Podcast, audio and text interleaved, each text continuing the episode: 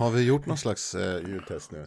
Ja, och alla har pratat och Hur känns mina S? Ja, men det låter som mina ungefär. Här. Ja, det gör det, eller hur? Ja. Ja. okej. Du har en väldigt skön radiostämma. Rullar det bra nu tycker du? Allting rullar. Allting Okej, rullar. okej, ja. Ska du ta tag i bitarna Ja. idag?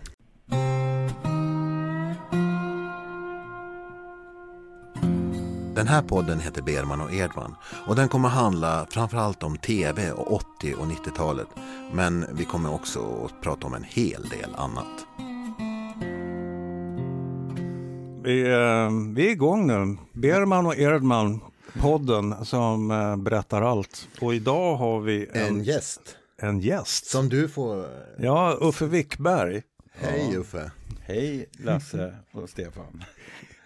Kan, hur, jag menar, mitt första minne av dig, och det är lite luddigt ibland, de här första minnena, men det måste ha varit på 90-talet någon gång, när du var Bing och Tom, och jag jobbade mycket för TV3.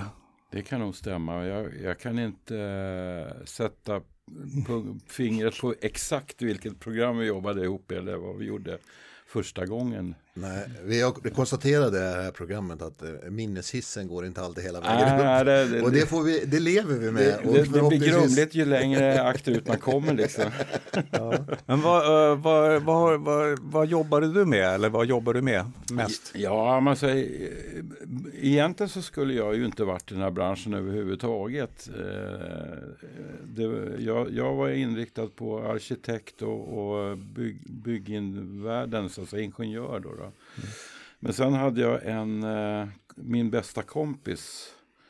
På den här tiden var ju alltså, eh, fanns det ju ingen fri marknad egentligen, utan det var SVT. Vad, pr- vad pratar vi för år nu? Ja, nu snackar vi 60-tal, Nej, shit, pommes 60-70-talet. frites, alltså. ja. Då, var jag, då var jag 12. ja, lite grann så. Och Då, då var det ju monopol där. Och, och eh, det var ju Lennart Hyland och hela den svängen som styrde det här landet. Då, då. Så att eh, eh, det fanns ingen liksom privat marknad.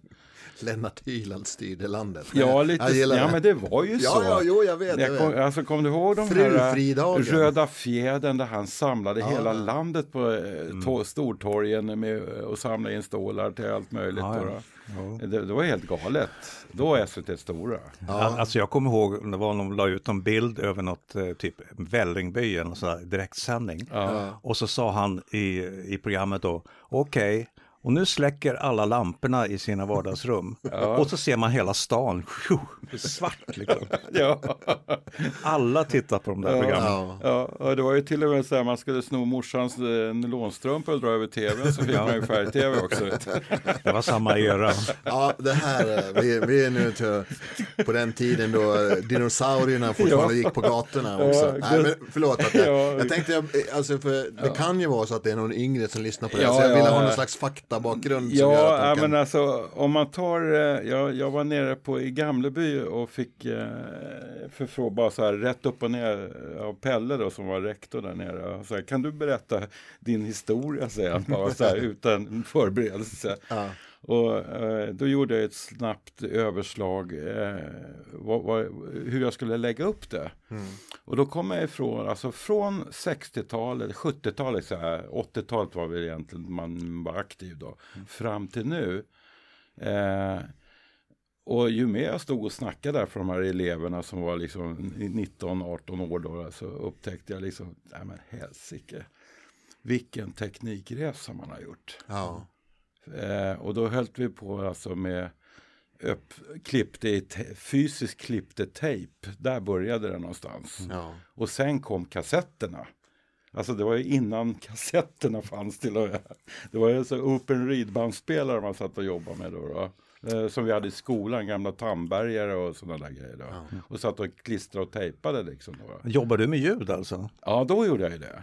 Eh, och Kerry då som eh, min bästa kompis, han, han, han jobbade ju då, eller blev ju anställd av Bengt Kåring på eh, General Sound Production, hette det väl, GSB. Och Bengt Kåring kom ju som ett gammalt B-ljud, eller gammalt ungt B-ljud från SVT. Och Bengt hade ju fått, eh, insåg ju det att det var ju Åke Stark tror jag det var som var A-ljud där. Och Bengt insåg ju det att jag kommer aldrig bli A-ljud så länge Åke Stark lever. Så det var ju bara att hitta på något annat här. Mörda Åke Stark, Ja. byt yrke. Det var liksom så här, Ja. vad, vad ska jag göra, vad ska jag göra? Men Åke, Åke Stark, var inte han en studieman? Ja, man höll på med ljud också. Var det så? Ja, det tror jag. Men, han- nu har vi lyckats förvirra tittaren. Ja, eh, ja nu, nu har vi snurrat. vi bör- jag jag tror det var Åke Stark i alla fall. Men det var det A-ljudet där i alla fall som Bengt var B-ljud han, kunde, han kom aldrig, eh, så han hoppade av och köpte loss eh, SVTs utrangerade maskiner. Mm. Och så startade han, och det var då, det var under den här tiden så kom ju bilra, bilstereo Ah. med bilkassetter. Okej. Eh, och det var så det började egentligen. Eh, för GSP som sen blev Stockholms stopp och, och Ja. gjorde mycket grejer. GSP har jag faktiskt varit. Då låg de inte vid så, eh, Råsunda. Ja, de flyttade ut till Lidingö. Gjorde de. De var inne i stan ett kort tag, men de bodde ute i Lidingö. eh, För jag har varit på, jag har jobbat åt GSP också. Ja, Har du gjort det, Lars? Nej. Eh, eh, vad pratar vi nu för år? Eh, 60-talet eller 70-talet? eh, 80-talet. 80-talet? 80-talet, alltså reklam, Ja, finansierade ljudkassetter. Ja, precis. Och det var alltså bensinbolagen som eh, köpte det här eh, med senaste musiken och sen och det var då masskopieringen av kassettstereo och grejer då. Började, ja. Så när du tankade fullt så fick du eh, på, jag tror vi jobbade åt eh, OK eller BP och Shell och alla de där. Och, och så hade man ju kom, eh, diskjockeys. Så alla de här eh, kändisarna då, Klabbe och de var ju med och, och pratade in de här grunkorna då. Eh, Och det var så det började egentligen. Den privata sidan så att säga, kommersiella privata sidan. Sen växte ju det här och sen så kom ju då videokassetterna. Nu är vi inne på slutet på 80, början på 90-talet tror jag. Och med hyrfilmer. ja, just det. Eh, och då lyckades ju Bengt köpa en gammal utrangerad skanner från SVT. Som körde både 16 och 35 och lite perfomaskin och grejer. Och Carro han satt ju och körde dygnet runt i källaren. Ja. Och skannade de här filmerna. Och, och så, det var ju SLT Video hette det då. Som Ja, var väl de första i Sverige som eh, började distribuera hyrkassetter. Va? Just det. Mm. Och Dennis då som han subtitlade eh, och de Dennis, Dennis Hennix okej. eh, som jag har studion av nu, Just nu ute i Sumpan. Då, då. Ja, honom har jag också jobbat Mm. med tidigare. Så att, eh, och där växte det upp och då i och med att videon kom då kom ju lite det här, då började det snackas om att göra tv-studio där då. Så det, då köpte de ett gammalt, vad hette de, Sony 300 rörkameror var det väl på den tiden. Eh, de, de var vassast. Och så jobbade vi ihop och gjorde några program med Robban Broberg faktiskt. Så vi gjorde alla hans Zero-program hette det då med Robban Broberg. Ja, men de som gick på SVT sen Mm, också. mm. Som, ah, det måste vara väldigt tidigt externt Ja. produktionsjobb. Ja, det var extern. Och det var, eh, det var, vad heter han, Lars-Åke Turesson, eh, Skuggan som han kallas för. Då. Han satt ju uppe på Sankt Eriksplan och hade en stillbildsstudio där. Då. Han har ju fotat alla kändisar och bildjournalsfolk och Beatles och Rolling Stones, alla. Eh, Så han gjorde, den gjorde vi tillsammans med honom, de produktionerna där. Eh, Och det var väl de första stora produktionerna som gjordes där. Då. Vad, vad, vilken studio var det då? Ja, det var ingen, det var en stillbildsstudio som låg vid Sankt Eriksplan. Mm. Ja, Okej. som eh, vi höll på där. Och det, var, det började med en morgonsamling som eh, utmynnade i ett världskrig varje morgon. här. Och sen när vi hade lugnat ner oss till lunch där, så började vi efter lunch och samla ihop oss och så försökte vi göra någonting av det hela. så, så gick det till där. Robban var ju inte världens enklaste kille att samarbeta med då, på den tiden. Nej, det, som, det som jag tycker är spännande, återigen så måste man liksom förklara nästan för en massa människor här. att Det gjordes ingen tv utanför tv-huset i Sverige. Nej, nej, det är väldigt så att- lite. så att det- väldigt lite. Otroligt lite slås Mm. ut och det måste ha varit någon som Robert.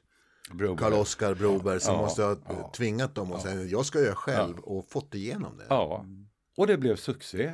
Ja, det var jättebra. Jag kommer ihåg, gång. jag ihåg Ja, de programmen. Men det fanns ju inte så mycket att välja på, eller? Nej, nej, nej, det gjorde inte det. Men, men det, liksom, det, var, det, var, det var en... eh, Och vi hade ju liksom ingen kultur att följa. Utan eh, vi fick ju hitta på allting själva. Hur, hur det skulle gå till, alltså hela, hela produktionsmekanismen liksom. Där. Vi hade ju inget filmfolk med oss som lärde oss att strukturera upp någonting. Liksom. Jag kommer ihåg gingen. Från aktiebolaget, pling och plong, alright. Ja. Kommer du ihåg den? Ja, då. ja. Ja. Men, alltså, men- mer, mer kommer jag inte ihåg. Men, i alla fall. Alltså om vi pratar om eh, tv som gjordes utanför SVT. Eh, fanns det inte ett, någon slags studio eller bolag ute i Stocksund som gjorde grejer? Jo, Där UR sen tog över lokalerna. ja just det. Vad, eh, vad heter det? Åke Söderqvist. Ja, just det. Men nu prat, var det inte slutet på 60-talet? Ett försök som inte funkade eller vad det var? Alltså studiolokalerna fanns ju kvar rätt länge där ute? Mm. har jag för mig. Eh, men sen, eh, vi var ju där och gjorde kommersiell, eh, alltså för TV4 också, så det blev en allmän studio där kan man väl säga då. då. Mm. Men just det, det var väl gamla flyghangarerna där ute va? Ja, det låg ganska nära vattnet. Ja, precis. Ja, de, de hade ju, alltså flyget hade ju vatten, alltså så här amfibieflyget där. Ja, ja. Nej, jag vet precis. För där Ja. var, var det ju studio väldigt länge sedan. ja, ja, ja. precis. Men du, vi drar iväg åt lite olika, massa Ja, olika. Men så här, du började alltså på eh, att kopiera kassetter? Och, Ja, alltså jag fastnade ju där. Det var ju så, det var så jäkla spännande liksom med hela den där världen då. då. Och, och tänkte väl inte längre än så. Och ehm, då var väl det här med eh, man skulle ju gått, egentligen så skulle man ju skaffat sig en utbildning då, men det här var ju roligare. Så, så här. Plus att det var jungfrulig mark. Det var ju ingen som hade varit och kladdat här förut, så det var jäkligt spännande. Och, och efterhand så upptäckte man ju också att man kunde ta ganska bra betalt för det hela. Men i, i gengäld så var ju alla maskiner var ju svindyra.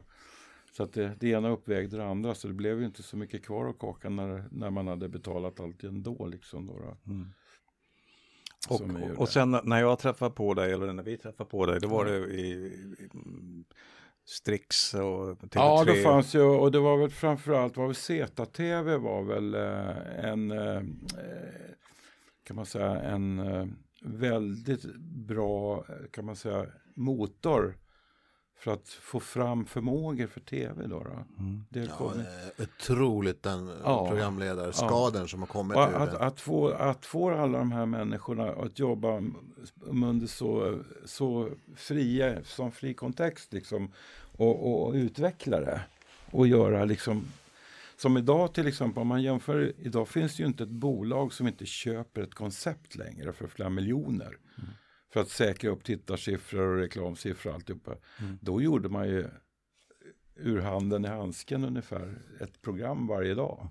Ja, det skedde ju. Ja, hela tiden. Och så får ju. vi se om det funkar. Ja, det, alltså, det, den, jag var ju där från inte så fast. Var du där mycket? Alltså? Nej, inte. Jag jobbar, levererade till ZTV, gjorde externa produktioner. Mm. Eh, och i början så var jag, GSP eh, backade ju upp ZTV och tog med sig lite personal där från början också, där, när det drog igång. Som- GSP har vi då vid Odenplan. Ja, precis. Ah, men då vet jag vad jag har. Pling Ja. plong, där gick, Ja. där gick en, Precis. jag fick en plötslig minnesupplevelse. Så, så eh, bland annat då som Masse Söderström Ja, kom ju från GSP. Då, Ja. va? Och han sa, gick ju över till, eh, till eh, Strix då, eller till ZTV. ZTV. Två portar bort. Ja, precis. Mm. Och det, vad, vad gjorde du då här? Nej, jag, jag höll mig på andra sidan, tekniksidan så att säga. Jag, har ju- jag har aldrig jobbat eh, så att säga, redaktionellt med tv. Utan eh, jag, jag har mest varit fastat i tekniken lite grann och tyckte det var kul. Då. Men vad har du, har, är, är du utbildad elekt, elektriker? Ja, jag, som, ja, eh, jag läste ju Svagström då på gymnasienivå då fram och, och sen vände det mitt i alltihop och sa nej fan jag ska bli arkitekt. så, sen gick jag där ett tag och sen, jag vet inte vad som hände där men sen sköt ju intagningspoängen in till högre utbildningar upp i höjden så att då räckte ju inte betygen utan då skulle man jobba en massa år också. Men då hade, jag, då hade jag det här med eh, elen i bakgrunden. Och eh, så jobbade jag som eh, i försvaret faktiskt ett par år eh, ute på Muskö Mm. med radarteknik. Då, då. Och sen hade jag Carro började då på GSP kan man säga då efter skolan och så började vi göra grejer ihop där. Men det här med att du binga och Atom och... Ja, det kom ju efterhand då. Vänta, du, du flyttade längre och längre bort ifrån Ja. Du går, går vid sidan av det.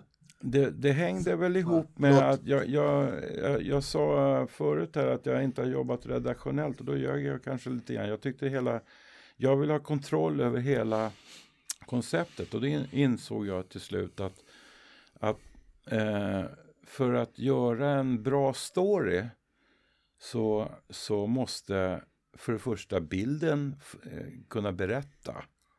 Och då fick man ju lära sig hur berättar man med bild. Det finns alltså något som heter bildspråk. Då, hur, man, hur man jobbar med bilder med närbilder, helbilder, och halvbilder och panoreringar och alltihopa. För att det logiskt ska liksom bli en berättelse utan att så att du förstår utan att få ljudguidning så att säga. Då. Sen lägger du på ljudet också. Då har du liksom dubb, då har du både käpp och hängslen kan man säga. Då, då, För att landa rätt. Då, då. Men just det här bildspråket, då, då insåg jag till slut att ja, men jag kan inte släppa ut en fotograf, gå ut och göra en grej. Och så ska jag klippa ihop det sen. Jag, jag vill ju veta, jag vill ju ha en utgång och en ingång i varje Ja, snitt när jag klipper så att det blir snyggt. Liksom då, då. Och det enda sättet att få det som jag vill ha det, det var ju att göra det själv. Såklart då. Och då började jag ju skriva och eh, manus och göra setupen. Men då jobbade jag mest åt eh, företags-tv då. Gjorde sådana grejer där. Då. Och det var, jag tyckte det var kul. Men då, då höll man ihop och, och där kom ju in då ljussättningar eh, och bildkomposition och, så att man fick en helhet då. Men idag är man ju specialiserad som du säger här. Du har en bild och du har en bildproducent och du har fotografer. Alla gör sin grej. Men eh, det är inte så jävla många som har, håller ihop det. Men eh, som jag ser man, hur, som man gör tv idag så har det ju eh, rationaliserats liksom då. I alla fall som jag jobbar mycket med live-tv då. då så, så har det ju, men, men samtidigt så sitter det kvar i ryggen. Man, man, man, jag, kan- fan, man kan ju inte titta på tv snart så nej men fan, där kan man ju inte klippa. Fy fan vad det där såg ut. så, Fråga, fråga min son hur jag låter. Jag kan tänka Ja. mig att din familj också, ja, ja. Lars, eh, har en del man- att säga om dina kommentarer. nu. Ja, nej, precis, man kan, Framförallt om det börjar bli tråkigt så börjar jag se hur... Ja, hur illa det är. Då börjar man titta på hur det här Hur det är gjort, producerat. ja. Ja. Ja, och, då ser man. och så jämför man det när man går och tittar på film till exempel. Där, det, där det, är liksom, det är motpolen till tv kan man säga. I filmen är varenda klipp livsviktigt. Liksom. Den, den ska ju sitta rätt. Eh, och, och, jag, jag fick ju lära mig, och det kom väl kanske mycket från filmen där att att ehm, en filmruta består ju av 25 frames. Då, då. Och alltså har du en bildruta som du ska ska från och en som du ska till. Då har du 50 frames att välja på. Och sen det är bara en som är rätt. Alla andra är fel. Ja, så är det. ja.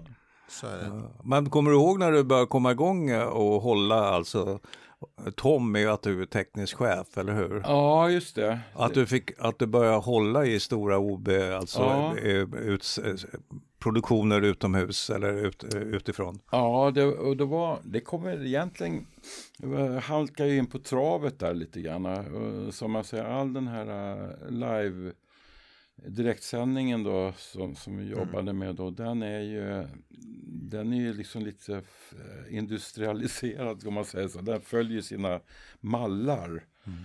Eh, så att varenda klipp är ju liksom förutbestämt mer eller mindre av olika orsaker. Då, då. Eh, och, och då var själva då tyckte jag själva tv-producerandet inte var så spännande längre. Då var det mera roligt att se hur tekniken jobbade, hur man jobbade med den då. Eh, och det var väl då, det var väl travet jag började tomma då, de lite grann då. Nu, nu känner jag att en faktaruta är på sin plats. Tom, eh, Tom står för Technical Operations Manager. Ja, det låter jättefint, men det är världens skitjobb idag. Så, man har, Nej, men jag var bara faktar ut det. Jag, Ja, känner, jag jag, vet. hoppas att ni inte tog illa upp Ja, det. och det läskiga är så här, man har allt ansvar och så får man ta all skit när det inte funkar. Så, Ja, precis. Man får aldrig, man får aldrig säga, Man får aldrig fan cred." vad skönt, det, Ja, eller- det funkar idag, Ja, tack gick, så mycket. Ja, eller så här, det gick ju bra det här, säger han. alltså, hej då. Men om man gör fel så Ja, ja, då får man ju då höra. man och det har man gjort några gånger. Jag, vet, ju- jag vet, vi gjorde ju baren bland annat eh, nere vid, På Gamla Stans Bryggeri. Ja, precis. Det var jag ansvarig från början. Ja, herregud. Och så. Kom du in säsong ett? Det minns Ja, inte. jag var, jag var Tom första säsongen. Okej, Ja. på live nu då? Ja, Just det. ja eh, sen hela veckan också. Det var de, vänta, vad hette han? Din, du hade någon släkting där som Tom hade med mig. Inte släkting hoppas jag. Ja, ja, vad hette han? Han var jävligt trevlig i alla fall. en ung kille. Jag kommer inte ihåg vad han hette. Eh, Rasmus? Rasmus var det. Ah, var Rasmus med? Rasmus ja, ja, men det var ju mitt... Eh, Rasmus, förlåt mig. Ja, okej. det, var min före, Eh, nej, det var min före dettas barn, så det var liksom Ja, så här, plastson. Plast, plastungen. Ja. Jo, Shit, du ser. Men jag, ja. jag, var ju så, jag hade så mycket, jag hade liksom övergripande ansvar för liksom både personalsättning och alltihop Ja, okej. från Strix. Då. Var du anställd av Strix eller av? Nej, jag var ju Kenta från 24-7. 24/7. Eller vi hette då Euro Broadcast Hire. Va? EBH. EBH hette vi då. Ja. Som Det var... namnet snodde danskarna sen. Nej, det De var... jävlarna. Nej då, alltså det hette EBH i Danmark. Ja. Så, och sen så startade vi, det var ju... Eh, det, och sen, ja, men vänta, vi snurrade iväg där. Ja. Vi, vi går tillbaka till baren. Ja, vi Berätta- går tillbaka berätta- till baren. berätta baren. Eh, och, och den var ju rolig. Alltså det, det var ju häftigt alltså. Baren tillkom ju på grund av att Kanal 5 hade köpt rättigheterna till Big Brother. Jag var på det mötet. Ja, Ska jag berätta om det kanske sen? ja, ja. Och det var alltså... Och eh, det som Strix hade då, då det var ju eh, Robinson. Men den gick ju bara på sommaren. Ja, just det. Ja, och eh, nu skulle liksom Big Brother, det nya amerikanska formatet, ta hösten då när inte Baren Ja. eller eh, Robinson sändes. Och så, så eh, Strix och TV3 hade ju ingenting. Nej. Så jag, alltså jag upplever det som att det här... Men jag var på det mötet, då kanske jag får berätta hur det Ja, hur då det kan var. du få göra. För jag, jag, Ja, för jag, det kan här- bara, jag kan bara säga så här. Det underlaget jag fick Ja, för att sätta ihop det, det kändes som att det här var hoptrollat på en kafferast. vet du, Ja. det var det också. ja, får, jag ta, det här tar tre ja. minuter, det här är, Ja. det är tv-historia. Förlåt om jag röjer några hemligheter nu. Men vad som hände på det mötet, det var alltså, eh, TV3 hade köpt rättigheterna för Big Brother i Sverige. Och vi hade ett möte, jag jobbade på Gamla Stans bryggeri som teknikansvarig för där hade Stenbeck byggt en liten studio och han såg framför sig hur det här skulle bli en krog där media skulle liksom samlas. Och så när han, när han hade fått hört att Big Brother skulle till Sverige, då hade han bestämt här, var jättekul, vi ska göra en add-on, vi tar och bygger en glasvägg på hela vår restaurang, restaurang som tittar rakt in i Big Brother-huset, för då kan vi komma dit och käka middag och titta på Big Brother, eh, vad, de, vad som händer inne i det här. Och så satt vi och pratade om det där. Så bara, och, och då var jag, eftersom jag var där så var jag då huvudansvarig för liksom Kinnevik-koncernens olika liksom mediebolag. Satt runt bordet och Anna Bråkenhielm för Strix. Och eh, sitter ett par tre timmar och tänker, eh, du vet, Husse kallades han för Stenbeck. Vilken jävla galen idé, hur fan ska det här gå till liksom? Men hade han sagt någonting då skulle det bara göras. Så att alla reser sig upp och börjar liksom st- ställa undan sin kaffekopp. Bråkenhielm tar fram sin, sin mobil som hon hade och ser meddelande. Och, eh, och, och sen så säger hon bara Sitt ner, du vet på en sån här riktig orderröst och alla cheferna på liksom Kinnevik satt sig ner runt bordet, väntade tills hon hade läst klart och så sa hon, SBS, det vill säga ägarna av kanal 5 Mm. hade köpt rättigheterna för eh, hela Europa för Big Brother. För de hade ju kanaler i varje land. Och den här rättigheten som SVT sa, you in court. Så de, de köpte det i hela Europa. TV3 som redan köpt eh, rättigheterna eh, fick långnäsa. Och då så frågar de liksom så här, vad fan gör vi nu? Har du, jo men jag har liksom en idé. Så här, och det är liksom på ett A4-papper som knögglas upp. Som, som vi kallar för baren. Den är inte speciellt bearbetat. Och så berättar hon om det lite grann för alla så här. Och så säger han, ja, när kan du få upp det här? För det var bråttom liksom. Så här, när, när, när kan det här vara klart att sända? Ja, men ja, annars, ja, jag vet inte riktigt. Jag vet ju då att förberedelserna för Big Brothers första sändning tog ju liksom 18 månader. Men vi kan göra det här på 9 månader för vi är ju Strix. Nej förresten, vi kan göra, vi kan göra det på 7 månader säger och är stentuff. Och så bara tyst, tyst, tyst. Du får sju veckor. Så att ifrån den här papperslappen så fick vi sju veckors utvecklingstid för att köra. Okej. Och eftersom jag säger vi, eftersom jag då kastades in i det här och fick liksom Och då var inte Eftersom jag var liksom den teknikchef på själva Gamla Stans Bryggeri. Ja, och då var inte teknikupphandling, Nej, nej, nej, nej, nej, struktur, nej, nej ingenting, gjort. ingenting. Nej, Utan vet. folk satt i dygnet runt och försökte liksom, och casting gick igång, alltså sju veckor. Och de första eh, två, tre veckorna var ju programmen helt jättedåliga. Mm. Och, och, och sen skruvades det på det. Mm. Så att vecka fyra började det ta fart och bli liksom program som man ville se. Och sen blev det ju jätte, jättesuccé. Ja, oh, ja. Ekonomiskt är baren den största tv-succén i svensk tv-historia. Mm. har sålt i över, alltså pro, det projektet har sålt i över 50 länder. Ja, jo, vi, Och det är då- flera- Både du och jag har väl varit med och dragit igång i några länder tror jag också. Ja, jag var med och drog igång i Grekland. Ja, Ja, jag, jag var inne första gången i Grekland Ah. och drog igång det. just det. Det var ju ja. då vi hängde upp eh, Peter Ahlmans OB-buss. Ja, just det. Men det, det, det, ursäkta, får, Ja, får jag bara, jag som, jag, jag, hade det bara, fort där? Ja. jag, jag hade bara en liten roll i det här. Jag körde, bildproducerade eh, lördagarna. Ja, du, du, Ja, du var det. så. Ja. Men då har ju Ja. du jättemycket att berätta Så, också. så, Ja. så att vi eh, kanske träffades egentligen Det första må- gången. Ja, det, hade, det gjorde vi det nog. var första jobb vi gjorde ihop. Just det, utan att veta om det. Nej.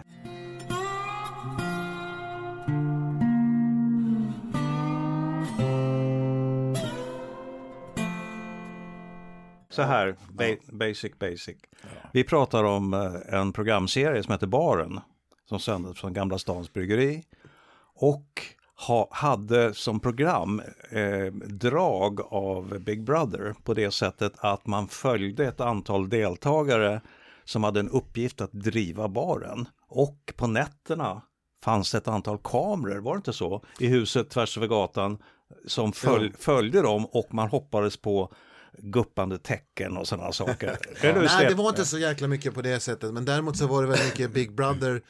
Eh, Det var en snott- fight snott, emellan. Ja, men det var en tävling så att man utrustning och alltihop så här. Så att det var likheten med, den stora likheten med Big Brother, det är egentligen att eh, man hade alltså en, en eh, sluten värld där ett, ett antal deltagare fick lov att befinna sig i. Men den här var en lägenhet och ett, ett, eh, en bar. Och de hade uppgift att driva baren. Och sen den andra likheten var att det här sändes ju dag för dag samtidigt som det hände. Så det var ingen ihop Robinson spelas in på sommaren och sen så klipper man i ett halvår och så får man programmen färdiga.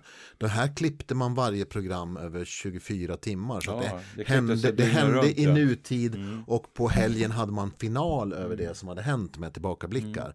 Så att det här, eh, alltså att det var en strippad återgående eh, såpa med avsnitt varje dag som hände varje dag. Men var det inte så att, att, eh, att eh, de här natt, eh, att det sändes även natt på natten? Att det hade Jo, en ja. egen kanal för det här? Ja, Nej men alltså, det gick ut på, Vi hade ju, eh, kamerorna var ju uppkopplade så du kunde ju gå in och titta hela tiden dygnet runt vad som hände i baren. Ja. Så du hade en egen livekamera som låg öppen via en app då som du kunde gå in och kolla om det hände något. eller det var en, det var en hemsida och det fungerade inte jätte, jättebra. Nej, det var det. Men det var en jävligt hot eh, Ja. grej ändå. För att på Big Brother var ju det, det här var ju taget direkt ifrån Big Brother. Eh, Oh, ja. Men skillnaden med Big Brother, ska jag säga det? För det finns en essentiell skillnad och det är det att Big Brother från början eh, var laboratorie-tv.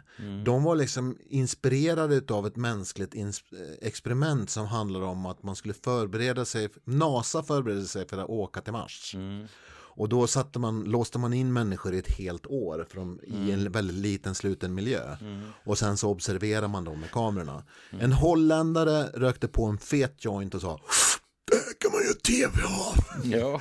Och, och då blev det liksom de första säsongerna, framförallt den allra första säsongen var ju helt enkelt experimentell tv utav vad händer med människor om man sluter in dem i en miljö och bevakar dem hela tiden.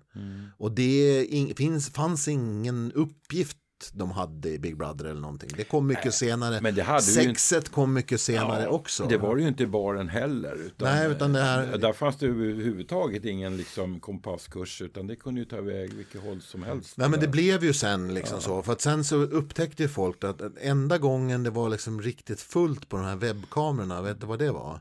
Det var en, en, en, en så här gymnast från Örebro som var med som hette Gunilla eller Gunnel eller någonting så här. Eh, när alla andra hade gått till baren på jobbet så var hon kvar i lägenheten. Och eh, passa på, det var varmt då, passade på att ta av sig topless. Okej. Och gå omkring i och tänkte inte på liksom, fan att vi, det det var var- ingen där i Att det närheten. var 50 kameror i varje Ja, rum. nej men det gjorde liksom, det, det tog ungefär liksom 15 minuter så hade det spridit sig över nätet och då kraschade hela systemet för det, var- Okej. det var överlastat. Ja. Och det var na- där någonstans man liksom upptäcker, vänta shit vi kan göra det här med sex blir ju jättebra. Ja. Men från början var inte det med i, i, i det världen. Så Nej, säga. för det kom ju sen och då jag fick ju telefonsamtal från Stenbeck på kvällen. Där han undrade liksom att har ni ingenting liksom som sticker ut här på kvällarna? Och så här, jo då, han, men eh, vi- sänder ju via London så vi kan ju inte släppa iväg vad som helst. Och, och, och jag sa ju det att vi har inte, jag frågade om det inte var något sex. Jo, de har sex i garderoberna. Så, för att de, ja. ja, men har ni inga kameror där? Nej, så, vi har inga night vision-kameror i garderoberna. Fixa det då, sen. ja, och då var, Och då sa han så här, ja men så här, vi får ju ändå inte sända det. Då. Skit i det, så här, det löser jag. Så, ja, så, och så gjorde vi det då. Och så blev det ju krigsrubriker såklart. Då. Och så blev det ju rättegångar. Och, men det, som Stenbeck sa, ja men det blir bra reklam, sa han. Ja, för precis. Sen så utvecklas det där lite grann. Dels, dels så blir ju liksom eh, säsong 3-4, då börjar liksom guppande tecknen bli huvudsaken i Big Brother. Och då kastar man efter det. Och, och underförstått också att liksom de som kom dit förstod att om de knullade så vart det bra tv. Ja, det var Och sen så gjorde man ju liksom Paradise Hotel som också kom några säsonger ja, senare. det följde upp Men det temat startade där. inte där. Ja, men eh, konceptet blev populärt och ni, ni var, tog det till Grekland bland annat. Ja, och det var ju lite spännande. eh, Därför att ja, vi var ju nere ett par veckor innan och riggade där nere.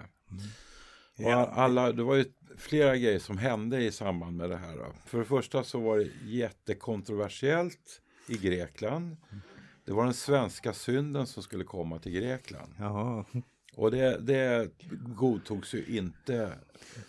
Så det kom ju alltså protesttåg med flera tusentals Ja. människor med ortodoxa präster med såna här kors och grejer. Och stod och, och skanderade utanför där. Och eh, jag och eh, Det är Aten vi pratar om. i Aten ja, Ja. och eh, polisen var där. Eh, För, för det här, ja, Ja, alltså, och när vi satt där så kom alltså polis med karabinjärer rusade in och fängslade vår produktionsledare. Kommer du ihåg vad hon hette? Bar ut henne därifrån. Hon, hon hette Moska, Moska. och hon var ungefär 1,55 Ja, ja, lång. men de bar och, och de ut bar henne. ut henne och jag svär, hon rökte när hon lyftet av fyra poliser så röker hon och så bara See you in the afternoon, it's no problem. Ja, och, och, he, Gre- och det, hon, var, hon var grekiska alltså? Ja, ja, absolut. Och, och det, det roliga var så här, ingen fattade varför. Vad, har- vad har vi gjort för något? Vad har vi gjort för fel? Ja, men då var det så här, det handlade om grekisk bygglagstiftning. och det var så här, man fick inte bygga klart husen helt enkelt där nere. Och det var, vi hade ju byggt klart med med sådana här äh, äh, badbaljer och palmer och grejer. Så det såg ju färdigt ut uppe på taket. Och då hade en granne ringt och sagt att eh, de har byggt färdigt huset här nu, men de betalar inte för det. Och då satte de in karbonjäreriet där och fängslade produktionsledaren för att huset såg färdigbyggt ut. Ja, och vet du vad de också förklarade lite grann för, för mig mellan skål och väg Moska? Eh. Jo, det, det vad som händer är liksom att det hade varit så här eh, borgmästarval i Aten. Så att våran kille som vi hade köpt, hans administration hade fått gått dagen innan när poliserna kom. Ja. Och det tog liksom, för det var därför hon var så lugn när de bar ut henne. Det skulle ta några timmar innan de hade köpt liksom den, människor i den nya administrationen. För det Ja. var så det liksom Ja, gick till. Det var så det gick till lite grann. För det var också så här att den baren som vi befann oss i i första säsongen. De hade ju liksom, eftersom den inte var färdig och så, så hade de ju Eh, det var en jättestor bar med tre våningar och jättestora dansgolv och allt. Det var en jätte, jättebar där. Ja, ja, ja. Och den, de hade alltså inget eh, tillstånd. Därför att de inte hade gjort någon brandinspektion. Mm. Och sen är de så här, de hade ändå varit brandsäkert så de kunde ju ha gjort det. Men de hade åtta stycken ställen i Aten, Mm. inget brandtillstånd på något. Utan de, som de sa, nu vet jag inte, förlåt greker om jag har fel. Ja. Men på den tiden så sa de så här att man kan göra alltid på två sätt. Man kan liksom köpa folk eller man kan gå den riktiga vägen liksom. Mm. Den tar väldigt lång tid och den är ju gratis för det fungerar byråkratin. Mm. Men de flesta går den andra vägen, det vill säga de betalar de den. så, ja, de köper helt enkelt sig fri från den här typen av lagstiftning. Mm. Så att Moska i alla fall, hon var helt cool när de lyfte iväg henne. Ja, ja, ja. Och, och rökte fortfarande Ja, ja, ja, när ja, de släpade iväg- när de släp, släpade iväg henne. Men hur, jag menar, ni, ni, ni körde ner en buss, körde du ner den? Nej, det var, ja, det, var, det var ju också en rolig historia. eh, det var ju Kenta eh, och 24-7 som fick uppdraget att teknikleverera Ja, till det här. Då. Och då hyrde de in. Ja, vi, det blev så här att vi bestämde, eller Kenta bestämde då att ja, men, alltså, det ska ner grejerna och så ska det hem grejerna igen. Och det, och det var ju rätt mycket teknik som skulle ner och hem och hålla ihop det där nere i Grekland. Och liksom det kommer, om det kommer ner liksom 100 casear och så få ihop det och få med sig allt hem, det var inte helt lätt. Så vi bestämde att vi skulle bygga en tv-buss istället. Eller vi byggde inte, utan den lades ut på Peter Ahlman på Made in Video. Made in Video, ja. ja.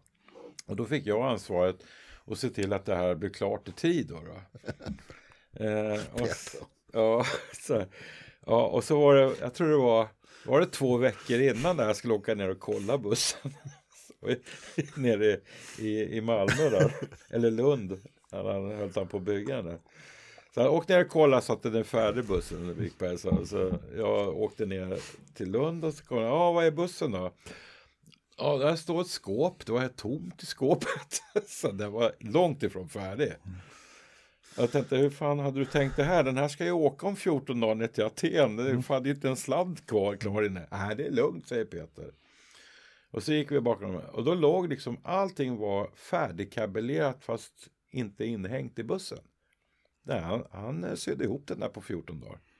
Så det var ju kabelstammar och patchar. Bara så här, in med alltihopa och skruva dit det. Och sen körde de ner och det funkade. Peter, vad heter Peter Ahlman hette han. Nej, nej, men han, han Här, här kan jag också meddela till lyssnaren att Stefan Edman skrattar och ruskar på huvudet och säger och viskar Peter Ahlman, Peter Ahlman. Men- vad då? Berätta om honom. Otroligt sympatisk Ah. människa. Men, men det här med leveranstider Ja, och så. nej, nej. Och eh, han fick ju liksom till slut syvende och sist alltid saker gjort. Ja, absolut. Eh, och, Absolut. eh, och därför så har jag, men, men eh, alltså han sa alltid mycket mer och tidigare än vad han så småningom höll. Ja, Och att han gick i mål med allting, det är helt ofattbart. Men det gjorde han faktiskt. Var du med säsong två också? eh, jag var nere säsong, men jag var nere säsong ett eh, och kom du ihåg Perra Östlund som hade hand- ja. ja så Perra och jag var ju nere, han satte ihop själva efterbearbetningsbiten Biten, då. ja, just det. Och eh, jag skulle sätta ihop själva tv-produktionsbiten där nere då. Och eh, vi visste av erfarenhet att grekerna inte var så där jättelätta att ha att göra med där nere. Så, och vi skulle ha med oss ett eh, B-ljud ner för säkerhets skull. Jag kommer inte ihåg vad han hette, men vi lyckades få tag i en kille som kunde grekiska i alla fall. Och så förbjöd vi honom att prata grekiska. Vi sa du får bara lyssna så vi vet var vi befinner oss någonstans. Vilka greker pratar du om? Eh, De det som var- jobbar på ja, krogen? Det var, nej, det var Nej, alltså produktionsbolag. produktionsbolaget som hette Fremantle där nere. Som vi jobbade, som vi hade Mm. köpt formatet där. Eh, och, och eh, bara, bara, alltså bara, de alltså målade om hela baren tre gånger medan vi höll på och riggade. Mhm. Alltså på, på en vecka. Och det var, för det var någon sån här eh, som hade hand om färg och så, här, och så blev det, fick de inte godkänt. Istället för att ta reda på liksom, vilken färg ska vi ha så provade man tre gånger tills det blev rätt. Vilket resulterade i alla våra kablar, kameror, allting blev övermålat tre gånger. Och sen när vi kom ner med Peter Ahlmans buss kom ner då. Ja, det här var ju så häftigt. Eh, så sa vi, var ska den stå någonstans? Ja, det var en liten backe upp bredvid huset och så var det, Det är säsong två då? ja, så var det ett fack där, där den skulle stå. Alltså nära huset. Men så det fanns ingen bilväg dit. Alltså du kunde inte nej, då köra det- dit. Nej, då är det eh, säsong ett. Ja, ja, hur ska vi, eh, vadå, ska ni gräva ut den? Nej, vi ska lyfta dit den, sa han. Jaha, och det var jag, jag var ju projektledare lite grann, Ja. så det var jag som fick ringa till Peter Ahlman. ja, Du, vi ska, vi Ja. ska kranlyfta din bil, hur ser dina försäkringar ut liksom? Ja, och- gör fan i det! Nej, ja, fan alltså, i det, Han- det, han alltså, vill ju det där är bara början. Ja. Det var jag och Per Svensson som var nere och skulle försöka organisera det där lyftet. Då, då skulle de ta upp en kranbil från hamnen. Eh, och då så eh, stod vi och ritade på bakdörren hur det där skulle göras med en tuschpenna. Och Per försökte förklara att liksom, det går inte att bara lyfta den där, för det, skåpet är ju som ett ke- kexpaket ungefär. Ja. Eh, så att du måste ha en ram och lyfta eh, upp så att den inte trycker ihop skåpet. Då, då. Ja, nu- du pratar inte om lastbilen utan... Jo, det är Ba, tv-bussen. ja, ba, baksidan kallas för skåpet. Ja, Ja, det är okej. alltså där tekniken Men ni kopplade inte bort själva... Nej, nej, nej, nej, Ja. nej, nej. Alltså, den skulle, det, hela bilen skulle lyftas in och vara så, så här produktionsbil. Då, men det fanns ingen väg dit så den skulle lyftas med den här kranen. Då, då. Mm. Och, och, och, och, så att vi, frå, vi vet att normala hamnar, i, i alla fall uppe här i Europa, de har ju såna här uh, hjulboxar som man eh, liksom kopplar på hjulen och så kan du lyfta dem rakt upp och sen har du ett kryss ovanför. Ja, det, en Som ram håller- ovanför. en som håller isär lyfttamparna så inte de trycker mot skåpet. Då. Så så sa vi att de skulle göra. Och grekerna stod ju där och, och yes, yes, yes, alla förstod ju. men Alltså. Och sen dagen efter så kom vi, jag och Per vandrade så här. Och fan, Per, kolla här. Ser ut som, är det, är det inte gnister under bussen? Sprutar Ja, ja jävlar, vad fan är det där? Ja, då hade de liksom gått genvägen och tagit det här eh, krysset. Då svetsar de på ett kryss under bussen i ramverket. Och det var ju liksom hela underredet var ju en galvat. Så de, de förstörde ju hela underredet på bussen egentligen. Och så, och så, så istället för att liksom göra som vi sa då. Och De tyckte de var mycket smartare. Du vet, de har ju filosofer sedan antiken där nere. Så de vet ju saker ska göras. Det var ju ingen idé att tala om. Jo, jo då. Men eran, eran spion då, höll jag på att säga. Han ja, talar... ja, ja, ja, men det var, det var det kom ju fram, alltså det, vi, vi fick ju höra då. Men, men jag ska avsluta liksom bussen här. Vi fick ju till det där och Per var helt vansinnig och, och Peter Ahlman också. Ja, för jag hade ju kontakt med Peter och Ahlman. sen så eh, kom den här kranbilen och lyfte bussen i alla fall till slut. Och jag fotar den då. Och det är som i Grekland mellan höghusen där. Det hänger ju kalsonger och bh emellan där. Och där uppe hängde tv-bussen också innan de släppte ner den. där det skulle vara. Så, jag vet att det finns bilder på det här. ja, Tänk ja, om- det är, jag, det är jag som har tagit de bilderna. Ja, då måste vi få... Vi har en Facebookgrupp sen Ja. så du måste skicka de bilderna. Ja, nej, det, var, det var häftigt det där. Men sen, eh, ja, så fick vi det. Men så, så var det, som du kommer ihåg, den här, jag, namnet kommer snart på han greken där. Han berättar för oss vad problemen var där i alla fall. Och Den, sve- den svenska greken. svenska greken, ja, Ja. precis. Och vi fattade ju liksom, och vi försökte anpassa, det var ju liksom inget elakt, utan vi ville bara anpassa oss och försöka lösa problemen som dök upp. Som de inte berättade för oss. Det var det som var avsikten. Då. Okej. Eh, någonstans så slutade det ju med att han, han råkade snackade med någon på grekiska som hörde det. Och så blev det ett jävla liv där nere. Så var han bränd. ja, och vi blev ju brända allihopa så vi fick göra avbön där nere och förklara liksom varför vi hade gjort som vi hade gjort det. Det var liksom inte för att sätta dit grekerna utan det var ju för att hjälpa dem liksom. För Ja, ja. Vi förstod ju att vi fick ju inte all information som vi behövde. Eh, Upplägget var, hade ni, det var svenska fotografer och svenska Nej, nej, ljudtekniker? nej, Nej, nej, nej. allting var grekiskt. Så det var bara...